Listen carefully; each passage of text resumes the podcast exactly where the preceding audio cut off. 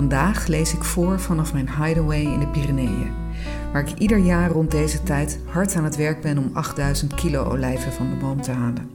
Vandaag een horrorverhaal dat hier op een landgoed van 2100 hectare, ver weg van de bewoonde wereld, nog steeds de ronde doet over de op één na laatste bewoonster van dit gehucht dat de naam Bausietjes draagt.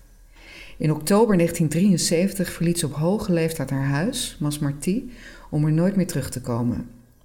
Het huisje trof ik gisteren nog net zo aan als toen zij het verliet, op twee uur lopen van waar ik me bevind.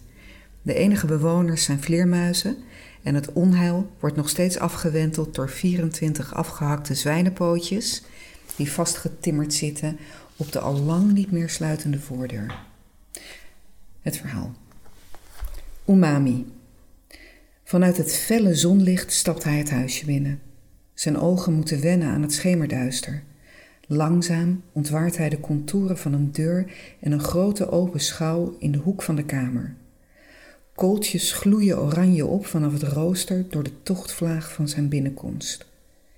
Dunne repen vlees hangen hoog in de schoorsteenmantel te drogen. Mmm, biltong. Zijn mond watert bij de gedachte aan het pittige, smaakopwekkende zoetzilt. Hij plukt een reep uit de haard en stopt hem in zijn mond. Onmiddellijk mengt het taaie, droge vlees zich met zijn speeksel tot een smaak waarvan hij zich ter plekke herinnert dat het umami heet, de vijfde smaak. Traag beweegt hij zich naar de deur. Ook kauwend stoot hij zijn hoofd als hij door het oude eikenhouten kozijn het eenvoudige boerenkeukentje binnenstapt. Hij grijpt naar de pijnlijke plek en bekijkt daarna zijn handpalm. Die is schoon. Op het stenen aanrecht ligt een berg rauw vlees. De ijzerachtige geur van bloed vult zijn neus en versterkt de bijna zoete smaak van het vlees in zijn mond. Een blikken tijl ligt vol nog ongespoelde darmen, de uiteinden keurig dichtgeknoopt om te voorkomen dat de stront het vlees zal besmetten. Buiten aan de waslijn had hij aan houten knijpers een schapenvacht en enkele konijnenvellen zien wapperen in de harde wind van de tramontana. Sommige al opgedroogd tot stijve windvanen. Hier wordt gestroopt, weet hij nu. Hij doet een stap verder de keuken in om het jagersmes dat op het betegelde aanrecht ligt beter te kunnen bekijken.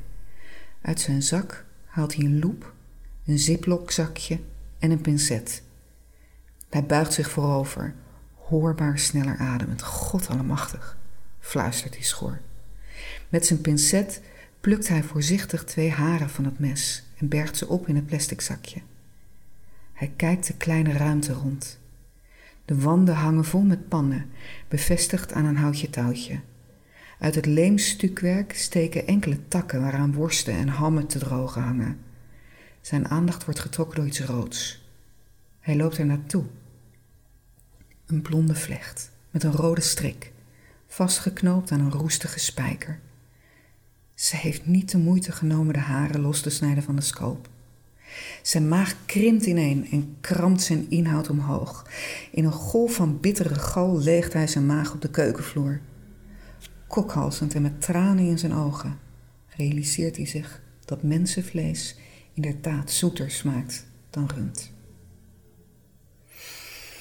Tja, ze was niet echt een vrouw om van te houden, maar toch gaan we nu luisteren naar dit liedje van Shakira, La Quiero a Morir.